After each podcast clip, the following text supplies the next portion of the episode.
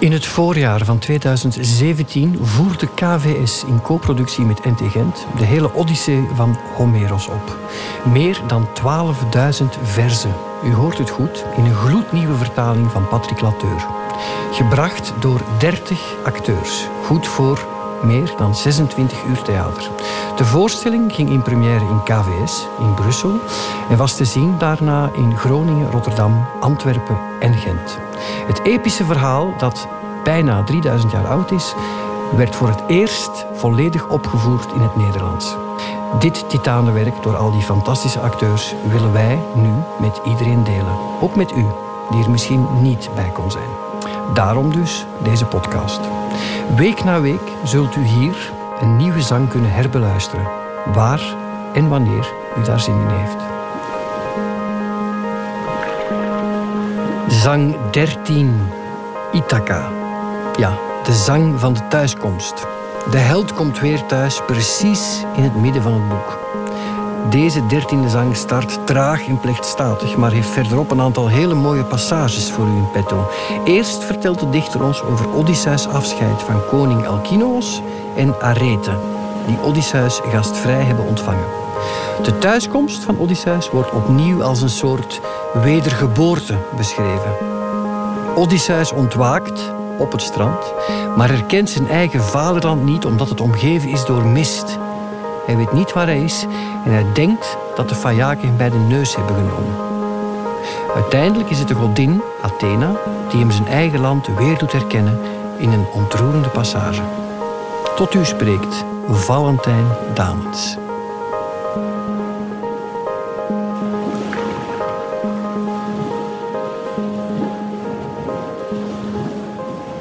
Zo sprak hij. Alle werden stil en zwegen, betoverd in de koelte van de zaal. Opnieuw gaf vorst Alkinos een antwoord en zei hem... Odysseus, nu jij mijn huis met bronzen drempel en hoog dak betrad... zal jij opnieuw, zo denk ik toch... zonder nog rond te hoeven zwerven, je thuis bereiken. Al, al heb je ook ontzettend veel geleden.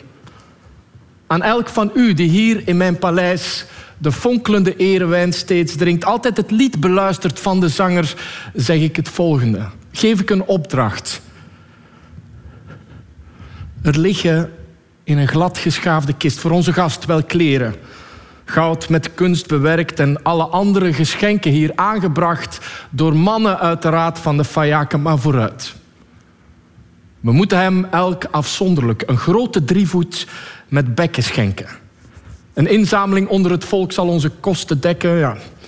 Zonder verheffing geschenken geven zou voor een man alleen toch lastig zijn. Zo sprak hij. Zijn woord beviel hen. Alle gingen naar huis om er te rusten. Zodra de dageraad met roze vingers vroeg in de morgen oprees, haastten zij zich naar het schip en brachten er het brons waarmee een man zijn aanzien kan bewijzen. De goddelijke en machtige vorst Alkinos ging zelf ook naar het schip. Hij legde er alles zorgvuldig onder de banken neer dat geen bemanningslid tijdens het roeien gehinderd zou worden als zijn snelle vaart de riem hanteerde. En daarna gingen zij naar Alkinos paleis, maakten werk van het fastijn. De goddelijke en machtige vorst Alkinos offerde voor hen een rund aan Zeus. Ja gehuld in zwarte wolken, zoon van Kronos, heer en meester over allen.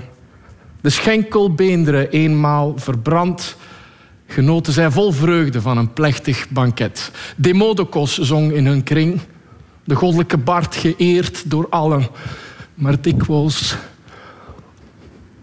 draaide Odysseus het hoofd om naar de schitterende zon. Hij wou snel zien ondergaan. Hij keek er vurig naar uit naar huis terug te kunnen keren. Zoals een man snakt naar zijn avondmaal wanneer zijn span van donkerbruine ossen de ganse dag de sterke ploeg bleef trekken over de akker. Zo ook zonk de zon tot vreugde van de held. Hij richtte zich terstond tot de Fayaken, roeilustig volk. En bovenal tot vorst Alkinos en zei hem: Alkinos, die boven alle uitblinkt, mijn vorst. Breng nu een plengoffer en laat mij gaan in vrede. En het ga je goed, want nu is alles wat mijn hart verlangde vervuld. Als gastvriend krijg ik een geleide en ook geschenken. Mogen de hemelbewoners hun zegen geven aan dat alles. En mogen ik, mijn voortreffelijke vrouw, met vrienden en verwanten in gezondheid aantreffen bij mijn aankomst in mijn huis. Ik wens dat u die hier nu achterblijven, uw legitieme vrouwen en uw kinderen tot vreugde zijt. Mogen de goden u velerlei geluk bezorgen. Mogen een ongeluk uw volk nooit overkomen. Zo sprak hij. Alles stemde in en drong er bij vorst Alkinos op aan dat hij zijn gast een geleide gaf op zijn terugreis. Alkinos sprak toen tot de heraut: Pontonos, uh, vul wijn aan in het mengvat en breng het rond aan allen, dat wij na een gebed tot Vader Zeus onze gast geleiden. Pontonos mengde de honingzoete wijn en ging dan rond om elk een te bedienen. Vanaf hun eigen plaats plengde zij de goden, huizend in de wijdse hemel, de gelukzalige. Maar Odysseus, de goddelijke held, stond op. Hij reikte Arete zijn drinkbeker met dubbel oor. Hij sprak tot haar, gaf zijn woorden vleugels. Het ga je goed, vorstin. Onafgebroken tot oude dag en dood jou bereiken, want dat toch is het lot van stervelingen. Ik ga nu heen. Geniet jij in dit huis van volk en kroost en vorst Alkinos. Zo sprak de goddelijke Odysseus. Hij ging over de drempel heen. En Heraut werd door Alkinos met hem meegestuurd om hem te begeleiden naar het snelschip en het strand der zee. Arete gaf hem dinaressen mee. En eerst met een vers gewassen mantel en giton uh, om de sterke kist te dragen, zond zijn tweede mee. En nog een derde die het brood moest dragen en de rode wijn. Bij schip en zee beneden aangekomen werd alles, alle, spijzen, alle dranken door kloeke begeleiders aangenomen. En aanstonds in het holle schip gestouwd. Voor Odysseus werd op het achtersteven een linnen laken en fraaie deken opengespreid, opdat hij rustig zou slapen. Hij kwam toen aan boord, legde zich zwijgend neer. Ook alle roeiers gingen op een bank zitten, elk op hun eigen plaats. Ze losten de kabel uit de holte van de stenen. Achteroverleunend deden zij het zilte nat opspatten met een riemblad. Hem, hem viel een diepe slaap over de brouwen. Een vaste slaap, iets, iets overheerlijks. Iets wat nog het meeste leek op de slaap van doden. Zoals een vierspan hengsten op de vlakte onder de slagen van de zweep. Samen vooruitspringen, zich steigerend verheffen. Zo ook verhief de steven van het schip zich. En zwaar raasde in het zog de glinstergolven der luid bruisende zee. Het schip kende een rechte, vaste koers in snelle vaart. En zelfs de vlugste der gevleugelden, de kringvalk, kon het schip niet bijhouden. Het schip snelde vooruit, doorsneed de golven der zee, voerde een man mee. Een gelijke der goden in verstand, van wie het hart voorheen wel veel leed doorstond. Hm. Veel smart verduurde in de strijd met mannen, in het doorklieven van de zware golven. Nu sliep hij rustig, alle leed vergeten. Toen dan de schitterendste ster verscheen, die met haar opgang meer dan anderen het licht aankondigt van de dageraad vroeg in de morgen, kwam het ogenblik waarop het schip dat de wateren doorklieft dicht bij het eiland was van Odysseus. Er ligt daar in het land van Ithaca een haven die aan Phorkys is gewijd, de oude zeegod. En daar zijn twee steile, uh, vooruitstekende klippen die afhellen tot aan de haven en bij hevig waaiweer de, de kolossale golven buiten houden. Nabij de havenmond staat een olijf, lancetvormig zijn blad, met in zijn buurt een lieflijke, schemerige grot gewijd aan nymfen die Najade heten. En daarbinnen staan uh, mengvaten, uh, kruiken met dubbel oor waar de bijen hun honing opslaan. Voorts in de grot zeer lange stenen weefgetouwen. Nymfen weven er purperkleurig linnengoed. Een, een wonder om te zien. En steeds welter water. Er zijn twee toegangsdeuren. Eén aan de noordkant, waar langs mensen naar beneden gaan. Die aan de zuidkant is bestemd voor goden. Daarlangs gaan stervelingen niet naar binnen. Het is de weg voor de onsterfelijken. Die haven roeiden zij dus in. Voorheen al was hun die plaats bekend. Het, het schip werd toen zo snel gestuurd door armkracht van de roeiers dat het wel voor de helft het strand opschoof. Ze klommen uit hun schip met sterke banken aan wal en het tilde eerst held Odysseus met linnenlaken en de fraaie deken uit hun gewelfde boot. Ze legden hem, nog overmand door slaap, neer in het zand. Ze brachten ook de goederen van boord, geschenken die hem door de vierde Fajaken waren gegeven, dankzij de edelmoedige Athena. Ze legden alles samen aan de voet van de olijf. Een eindweg van het pad dat geen voorbijganger ze aan zou treffen en zou stelen voordat Odysseus ontwaakte.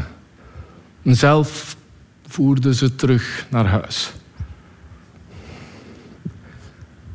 Poseidon was wel het dreigement nog niet vergeten dat hij ooit gericht had tot de goddelijke Odysseus. Hij vroeg aan Zeus wat zijn bedoeling was. Ach, vader Zeus. Ik zal niet langer in ere staan bij de onsterfelijke als de stervelingen. Die Fajaken, die toch uit mijn geslacht zijn, mij niet langer eren.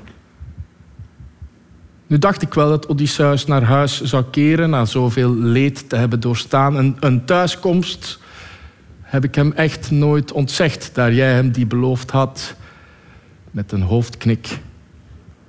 Terwijl hij sliep, voerden zij hem in een snel schip over zee. Ze legden hem neer op Ithaca. Ze gaven hem ontzaglijke geschenken. Hè?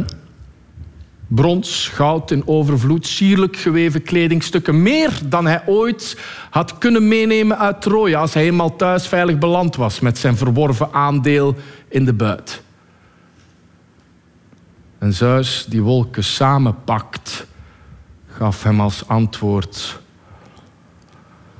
Aardschokker, met de kracht die ver gevoeld wordt. Vreselijk wat je zei, jouw eer ontzeggen, dat doen de goden zeker niet.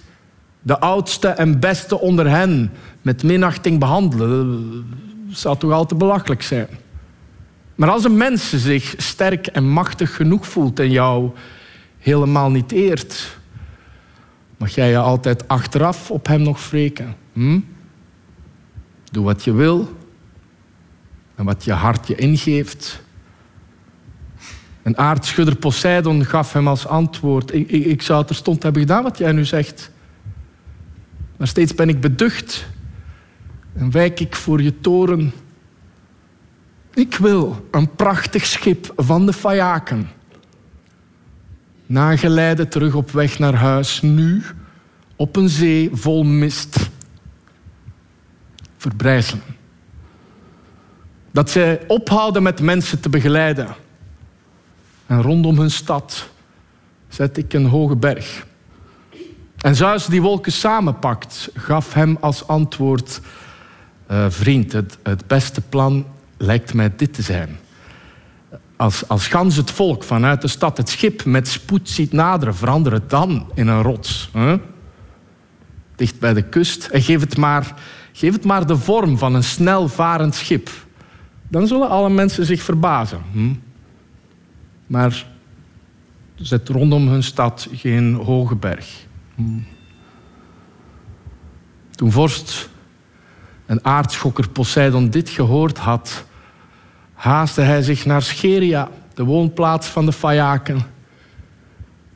En daar wachtte hij.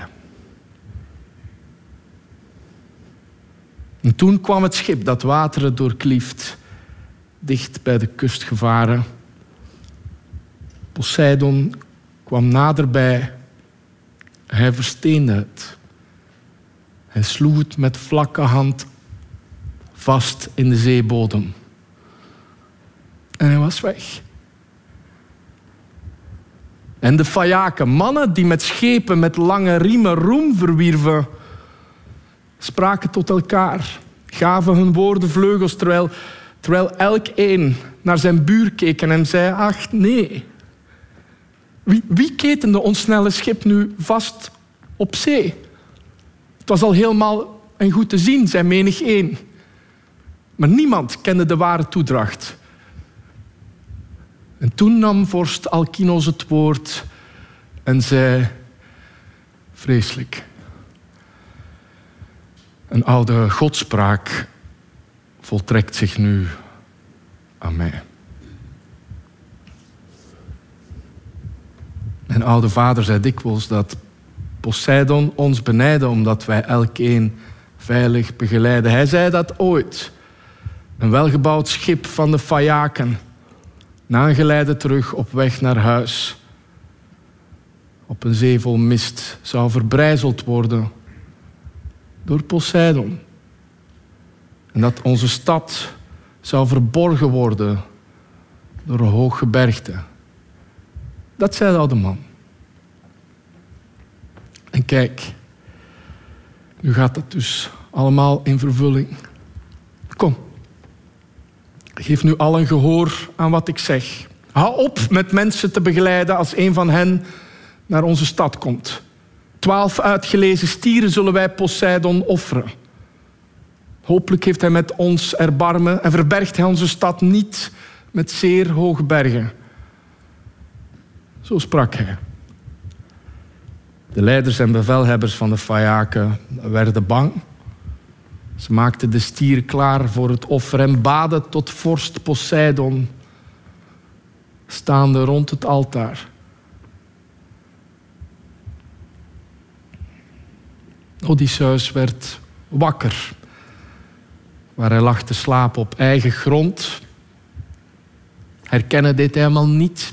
Hij was al zo lang weg. Zeus dochter, de godin Athena, had hem met een mist omgeven. Ze wilde hem zo onherkenbaar maken, hem ook alles vertellen wat nodig was. Opdat zijn vrouw, zijn vrienden, zijn volk hem niet herkennen zouden voordat de vrijers boeten voor al hun vergrijpen. Odysseus sprong op en stond er naar zijn vaderland te kijken. En hij weeklaagde. Hij sloeg zich met vlakke hand op beide dijen. Zijn woorden klonken als een jammerklacht. Welk land van welke stervelingen bereikte ik nu weer? Van geweldenaren en wilden zonder rechtsgevoel of, of gastvrije mensen? Met achting voor de goden? Waar moet ik hier nu toch al die schatten brengen? Waar moet ik hier nu zelf rond blijven zwerven? Was ik maar ginder onder de fajaken gebleven. Hè? Wellicht vond ik dan een ander zeer machtige vorst die mijn gast vrij ontving en mij op mijn terugreis wou geleiden. Nu weet ik niet waar al dat goed te brengen. Maar achterlaten doe ik het niet. Dat het niet voor anderen een, een buit wordt. Nee. De leiders en bevelhebbers van de Fayaken waren allerminst verstandig en oprecht door, door mij naar deze vreemde streek te brengen. Ze zeiden toch mij naar mijn geliefde Ithaca te zullen brengen, het eiland dat van verre zichtbaar is. Doch toch, zij vervulden hun belofte niet. Maar Zeus, beschermeling van de smekelingen, moet hen straffen. Maar hij laat zijn oog gaan over alle stervelingen, straft, bijzondert. Nou, kom. Ik zal mijn schatten tellen. En zien of zij iets meenamen op een hol schip. Hm? Zo sprak hij. En hij telde wat er was. Goud, brons en overvloed, sierlijk geweven kledingstukken. Hij miste daarvan niets. Maar jammer deed hij om zijn geboorteland. Hij doolde langs de oever van de zee, de branding bruiste. Hij snikte hevig. Maar toen naderde hem godin Athena. Van op een afstand leek zij op een uh, jonge man, een schaaphoeder, hoffelijk zoals vorstenzonen zijn. Een mantel uh, rond de schouders, mooi bewerkt, dubbel gevouwen. Uh, rondom de blanke voeten droeg zij sandalen, in de hand een speer. Toen Odysseus de jonge man bemerkte, was hij verheugd en ging hem tegemoet. Hij sprak tot hem en gaf zijn woorden vleugels. Mijn vriend, u bent de eerste pas die ik in deze streek ontmoet, gegroet. Ik hoop dat u mij niet uh, vijandig tegemoet komt. Neem, neem, deze schatten in bescherming, red mij. Als, als tot een God richt ik tot u mijn beden, raak ik als smekeling uw knieën aan en, en, en zeg mij, want dat wil ik echt weten. Welk gebied, welk volk is dit? Welke mensen wonen hier? Is dit een eiland van verre zichtbaar of is dit van vetkluitig vasteland? Het kustgebied dat afhelt naar de zee? En de godin met fonkelende ogen Athena gaf hem als antwoord: Ach, vreemdeling. Ofwel bent u een dwaas, ofwel komt u toch wel van heel ver dat u mij vraagt welk land dit is. Dit land is echt niet zo heel onbekend. Erg velen kennen het. Al wie verblijven daar waar de zon opgaat bij dageraad of achter in het schemerige westen, Rotsachtig is dit land. Niet te bereiden met paarden, toch ook weer niet al te arm, al is het eiland niet zo heel uitgestrekt. Ontzettend groot de opbrengst van het graan, de wijn in overvloed. Steeds valt er regen en weelderige dauw. Het, land is ook goed om geiten en runderen te weiden. Er zijn daar vele soorten hout. Uh, drinkplaatsen zijn steeds voorzien van water. Vreemdeling Daarom ook is de naam van Ithaca zelfs doorgedrongen tot het land van Troje, dat naar men zegt niet ver van Achaia ligt. Zo sprak zij. En de niet verzagende en fiere Odysseus verheugde zich toen hij die woorden hoorde van Athena, dochter van Zeus, die met de Aegis zwaait hij sprak tot haar en gaf zijn woorden vleugels, maar hij verzweeg de waarheid. Vertelde niet wat hij wel dacht, terwijl zijn hart wel heel listige gedachten overwoog. Van Ithaca heb ik ver over zee, zelfs in het wijdse Kreta horen spreken. Ik kwam hier nu met al mijn bezittingen, evenveel liet ik mijn kinderen nog achter toen ik moest vluchten. Ik had uh, Idomeneus geliefde zoon gedood. Archilochos met snelle voeten, die het in het wijdse Kreta in snelheid van mannen won, die zwoegen voor een brood. Mijn volledige buit uit Troje wou hij mij ontnemen, waar mijn hart zo voor leed in de strijd met mannen, in het doorklieven van de zware golven, omdat ik zijn vader niet gewillig wou zijn, hem dienen als mijn Heer. Ik voerde daar anderen, mijn eigen makkers aan. En hem trof ik met mijn speer, met brons beslagen, toen hij terugkwam van het veld. Ik lag daar met een van mijn makkers in hinderlaag langs de weg. De zwarte nacht bedekte de hemel. Niemand heeft ons bemerkt. Ongezien dus benam ik hem het leven. En toen ik hem met het scherpe brons gedood had, ging ik aanstonds naar een schip. Ik bad er de edele Feniciërs, gaf buit in overvloed, vroeg met aandrang mij aan boord te nemen en mij in, in Pylos af te zetten, of het schitterende Elis, het land waarover de Epeiërs heersen. Maar kijk, de kracht van winden sloeg hem ver uit koers, zeer tegen hun zin, want mij opzettelijk bedriegen was zeker niet hun bedoeling. Ja. Wij dwaalden van eraf en zijn hier beland. Moeizaam roeiden wij deze haven binnen. Geen van ons dacht nog aan een avondmaal. Al was de honger groot en zonder eten zijn wij aan land gegaan en legden wij ons neer. Een diepe slaap bedwong me. Ik was zo moe. Ze namen uit het holle schip al mijn zaken en legden alles op het strand neer waar ik ook zelf lag. daarna gingen zij aan boord en voeren naar het mooi gelegen Sidon. Maar ik, ik bleef achter, diep bedroefd van hart. Zo sprak hij. Maar Athena, de godin met fonkelende ogen, glimlachte. Ze streelde hem met zachte hand en nam toen de gestalte aan van een vrouw, mooi en groot bedreven in het prachtige handwerk. Ze sprak tot hem en gaf haar woordenvleugels. Hij zal wel listig moeten zijn en sluw, die het van jou in allerhande list wil winnen, zelfs al stond er een God voor jou. Jij stikt vol list, bent onverbeterlijk en in bedriegen onverzadigbaar. Jij zou zelfs in je eigen land niet ophouden met misleiden, want jij houdt hardgrondig van valse beweringen. Maar kom, daarover verder spreken hoeft niet. In sluwheid zijn wij beiden erg bedreven. Hè? Want bij de mensen ben jij verreweg de beste met het woord en in beraad. Ik word door de goden hoog geroemd om mijn arglistigheid en schranderheid. Maar toch herkende jij Athena Pallas, Zeus dochter, niet. In allerlei gevaren ben ik je steeds nabij, behoed ik jou. Ik, ik beschermde je.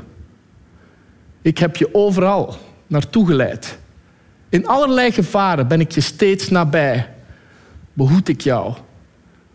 Maakte jou geliefd bij de Fayaken, bij allemaal. Nu kwam ik weer hierheen. Ik smeet met jou een plan. En ik, ik doe alles voor de kostbaarheden die jij op je thuisreis, op mijn verzoek en op mijn aanwijzing gekregen hebt van edele Fayaken. Nu kwam ik weer hierheen ik zal je ook van de vele rampen spreken die jij nog in je goed gebouwd paleis omwille van je lot hebt te verduren. Verdraag ze, ook al is het onder dwang. Zeg tegen niemand, aan geen enkele man of vrouw, dat jij terugkwam van je zwerftocht. Verduur dat vele leed in stilte. Doorsta de gewelddadigheid van mannen. En Odysseus de schrandere gaf haar als antwoord moeilijk voor een sterveling, godin, u te herkennen bij een treffen. U bent in staat om allerlei gedaanten aan te nemen. Maar dit besef ik goed. U bent steeds vriendelijk voor mij geweest sinds wij zonen van de Danaars een oorlog voerden in Troje. Maar sinds wij de steile stad van Priamos verwoest hebben, scheep zijn gegaan, een godheid de Achaïers heeft verstrooid, zag ik u nergens meer. Zag ik u niet aan boord gaan van mijn schip om mij voor een of ander leed te hoeden. Ik bleef maar ronddolen met diep in mijn borst, mijn hart verscheurd. tot God mij verloste van onheil. Tot u mij weer moed insprak en mij persoonlijk naar de stad geleidde. Maar in uw vaders naam smeek ik u nu. Want ik geloof niet dat wij het van verre zichtbare Ithaca hebben bereikt. Nee, ik dool hier door een ander land. Ik denk dat u mij met die woorden wil bespotten. Dat u mijn geest wil misleiden. Zeg mij nu. Is dit mijn lief land? En de godin met fonkelende ogen gaf hem als antwoord: Jij bent steeds omzichtig in je overwegingen. Daarom kan ik ook niet in je leed je verlaten. Jij bent immers vriendelijk, gevat, verstandig. Want bij zijn terugkeer zou iemand anders na een lange zwerftocht vol vreugde naar snakken een vrouw en kroost terug te zien in zijn paleis. Maar jij, jou zint het vooralsnog niet iets te weten of wel te vragen. Nee, eerst wil jij je vrouw beproeven, die daar maar steeds in je paleis zit te wenen. Terwijl de droeve dagen en nachten al maar weer voor haar vergaan. Ik daarentegen heb het nooit betwijfeld. Mijn hart wist goed dat jij weer thuis zou komen nadat je al je makkers had verloren. Wel moet je weten dat ik niet wou vechten tegen Poseidon. Broer van mijn vader, die tegen jou een wrok bleef koesteren, vertorend dat jij zijn zoon hebt blind gemaakt. Maar kom. Ik laat je nu de landstreek zien van Ithaca. Dan, dan ben je overtuigd. Hier is de haven van Forkis, de oude zeegod. Uh, nabij de havenmond staat een olijf, lancetvormig zijn blad, met in zijn buurt een, een lieflijke, schemerige grot, gewijd aan nymfen die Najade heten. Hier, hier ligt die overwelfde grot. Jij bracht een regelmatig rijke hecatombe, de nymfen, welgevallig. Hè? Daar, daar ligt de Neriton, de berg bekleed met wouden. Zo sprak de godin Athena. En ze joeg de nevel uiteen. Het land werd voor hem zichtbaar. Vreugde vervulde toen de niet verzagende en fiere Odysseus, blij om zijn land. Hij kuste er de, de graanschenkende grond, verhief terstond de handen bad de nymfen, bronnymfen, dochters van de grote Zeus. Ik had gedacht u nooit meer weer te zien. Maar nu begroet ik u, u met vriendelijke gebeden. Ook, ook geschenken zal ik brengen, zoals in vroeger tijden als, als Zeus' dochter, de geleidster van de gasten, mij, mij genadig laat leven en mijn zoon gedijen doet. En de godin met fonkelende ogen gaf hem als antwoord, ja, wees gerust, Wees daarom niet bedroefd in je hart. Maar laten wij nu eerst diep in de grot, de nymfen toegewijd, je schatten verbergen. Daar blijven zij in veiligheid bewaard. We zien dan wel wat er moet gebeuren. Na deze woorden ging godin Athena de schemerige grot in. Ze zocht aan alle kanten naar goede schuilhoeken. Intussen bracht held Odysseus zijn schatten wat dichterbij het goud, het duurzame brons, eh, de fraai bewerkte kleren. Allemaal geschenken die hij kreeg van de edele Fayaken. Hij legde er alles zorgvuldig neer. De dochter van Zeus, die met de Aegis zwaait, Pallas Athena, sloot de ingang met een steen. Daarna gingen zij zitten aan de voet van de geheiligde olijf en beraamde er plannen om de arrogante vrijers te doden. Als eerste sprak toen godin Athena met de fonkelende ogen. Beschermeling van Zeus, zoon van Laertes, vindingrijke Odysseus, bedenk nu hoe jij die vrijers te lijf wil gaan. Drie jaar lang al spelen zij in jouw paleis de baas. Je goddelijke vrouw maken zij het hof. Bieden haar hun huwelijksgeschenken aan. Haar hart leidt. smacht naar jouw terugkeer. Maar toch geeft zij ze al een belofte.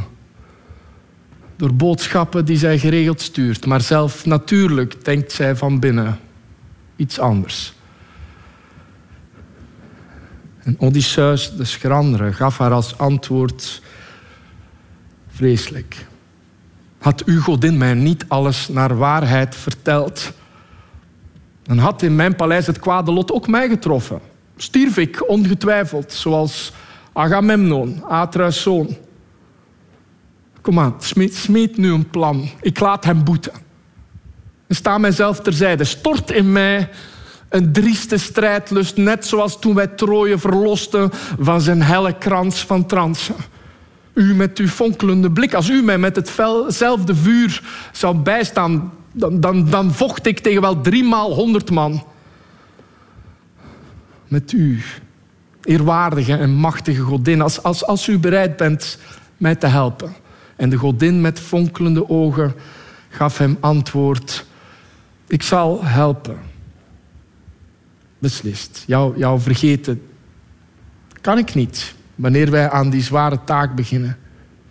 Ik ben er zeker van dat menig vrijer die momenteel je eigendom verbrast, de wijdse vloer met bloed en hersens zal bevlekken. Kom. Ik maak je nu onherkenbaar voor alle stervelingen. Hm? Ik verschrompel je mooie huid over je lenig lijf. Neem van je voorhoofd de, de blonde lokken weg. In lompen kleed ik jou, zodat de mens die jou zo ziet ervan gaat gruwen. Je beide ogen, vroeger toch zo mooi, maak ik nu dof. Zodat je voorkomen afzichtelijk zal zijn voor alle vrijers, maar natuurlijk ook voor je geliefde zoon en je vrouw die jij ooit achterliet in je paleis. Uh, ga nu zelf eerst naar de varkenshoeder die zorg draagt voor je zwijnen. Hij is je nog steeds goed gezind. Hij blijft ook houden van je lieve zoon en de verstandige Penelope. Je vindt hem waar hij bij zijn zwijnen is. Dicht bij de Raverots, vlak bij de waterbron van Arethusa. Ja, ze eet overvloedig eikels en drinken het zwarte water en dat maakt de varkens dik en laat hem vet gedijen.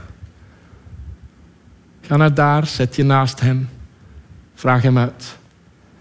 Uh, dan ga ik ondertussen naar Sparta, stad van de mooie vrouwen. Hm. Om je lieve zoon Telemachos te roepen, Odysseus. Hij trok naar Lakedaimon, stad met de wijdse dansplaats, in de hoop bij Menelaos berichten over jou te kunnen horen, of jij nog ergens in leven bent. Zo sprak zij. En de schrandere Odysseus gaf haar als antwoord: Waarom zei u hem dat dan zelf niet? U weet toch alles? Moest ook hij misschien al zwervend en dolend over zee pijn lijden? En de rest zijn goed verbrassen. Zo sprak hij. En de godin met fonkelende ogen gaf hem als antwoord: Wees maar niet al te bezorgd om hem, ik was het zelf die hem begeleidde. Zijn tocht daarheen moest hem een goede naam en faam verzorgen. Last kent hij daar dus niet. Hij kent de rust van Atrus huis. Een weelde zonder einde. Maar inderdaad, er liggen jonge mannen in hinderlaag in een zwart schip. Zij kijken er naar uit jouw zoon te doden voor hij thuiskomt. Maar zover denk ik komt het niet. Nog eerder dekt de aarde menig vrijer die momenteel je eigendom verbrast. Maar kom. Na deze woorden raakte de godin hem met haar staf aan. Ze verschrompelde zijn mooie huid over zijn lenig lijf nam van zijn hoofd de blonde lokken weg. Over elk van zijn ledematen kwam het vel te liggen van een oude man. Zijn beide ogen, vroeger toch zo mooi, maakten ze nu dof. Ze kleden hem ook anders. Wierp hem een vuile vod, een giton om, gescheurd, besmeurd, vuil van vieze walm. Athena wierp hem ook een groot kaal vel om van een snelle hinde, gaf hem nog een stok mee. Een afzichtelijke ransel vol gaten, met als draagband een stuk touw. Na dit overleg gingen zij uiteen. Athena zocht de zoon van Odysseus en trok dus naar het schitterende Sparta. Deze podcast is een samenwerking van KVS, Radio 1, uitgeverij Atheneum Pollack en Van Gennep en vertaler Patrick Lateur. In 24 afleveringen hoor je hier de volledige Odyssee van Homeros, waar en wanneer jij dat wil. Meer informatie vind je ook via kvs.be en natuurlijk ook radio1.be.